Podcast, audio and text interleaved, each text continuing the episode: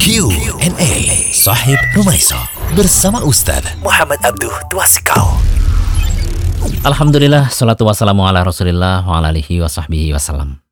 Baik, kita kembali lagi di Q&A bersama Ustadz Muhammad Abdul Twasikal yang akan menjawab pertanyaan dari Sahib Rumaisa. Ada pertanyaan tentang ukuran air dua kulah dan air mustakmal Ustadz. Dari Koko Handoko, grup WA Sahib Rumaisa. Dulu saya pernah diajarkan bahwasannya salah satu syarat air untuk bersuci itu tidak boleh kurang dari dua kulah.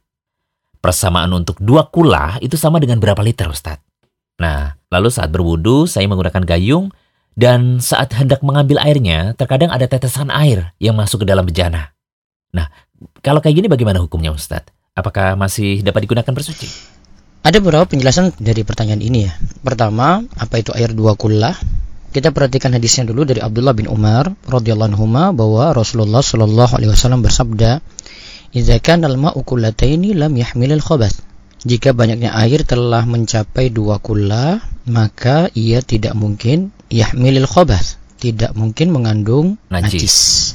Syekh Profesor Dr. Muhammad Az-Zuhaili mengatakan bahwa dua kula itu sekitar 200 kg air atau di sini kita samakan dengan 200 liter.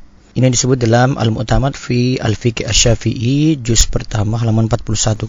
Gambarannya gimana Ustadz? Kalau itu 200 liter berarti dengan volume 1 meter kali 1 meter kali 20 cm. Hmm, Kemudian penjelasan tentang air mustakmal ya. Iya. Tadi pertanyaannya Tadi pertanyaannya saat berwudu saya menggunakan gayung dan saat hendak mengambil airnya terkadang ada tetesan air yang masuk ke dalam bejana. Nah, nah ini namanya air mustakmal ya. Hmm, Air mustakmal itu Air air bekas bekas, bersuci. Atau bekas menghilangkan najis nanti akan kita rinci di sini ya. Air tersebut suci tetapi tidak menyucikan yang lain. Tentang masalah air mustakmal ini dibicarakan dalam hadis la yaktasil ahadukum fil ma'i daim wa huwa junubun. Janganlah salah seorang di antara kalian mandi di air tergenang sedangkan ia dalam keadaan junub. Hadis riwayat Muslim dari Abu Hurairah radhiyallahu anhu. Nah, hadis di atas mengindikasikan bahwa mandi junub di air yang tergenang dapat menghilangkan sifat suci air tersebut. Sebab apabila tidak seperti itu tentu mandi di sana tidak akan dilarang. tapi kalau mandinya pakai gayung gimana Ustadz? Nah, sementara apabila mandinya dengan cara diambil airnya itu diperbolehkan. Jadi diambil pakai ciduk gitu ya.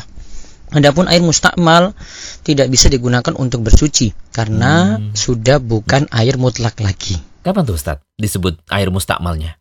Air mustakmal ini memang ada perbedaan dalam berbagai mazhab ya untuk mendefinisikan air mustakmal ini. Saya ambil dari mazhab Syafi'i saja, ya air mustakmal itu air yang sedikit bekas dari bersuci yang wajib.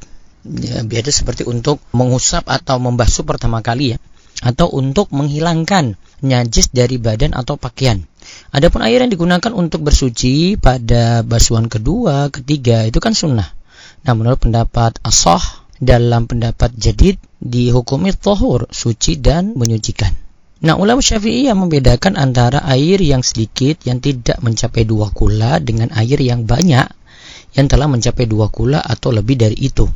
Jadi kalau yang dipermasalahkan sini jika airnya itu sedikit tidak mencapai dua kula ya.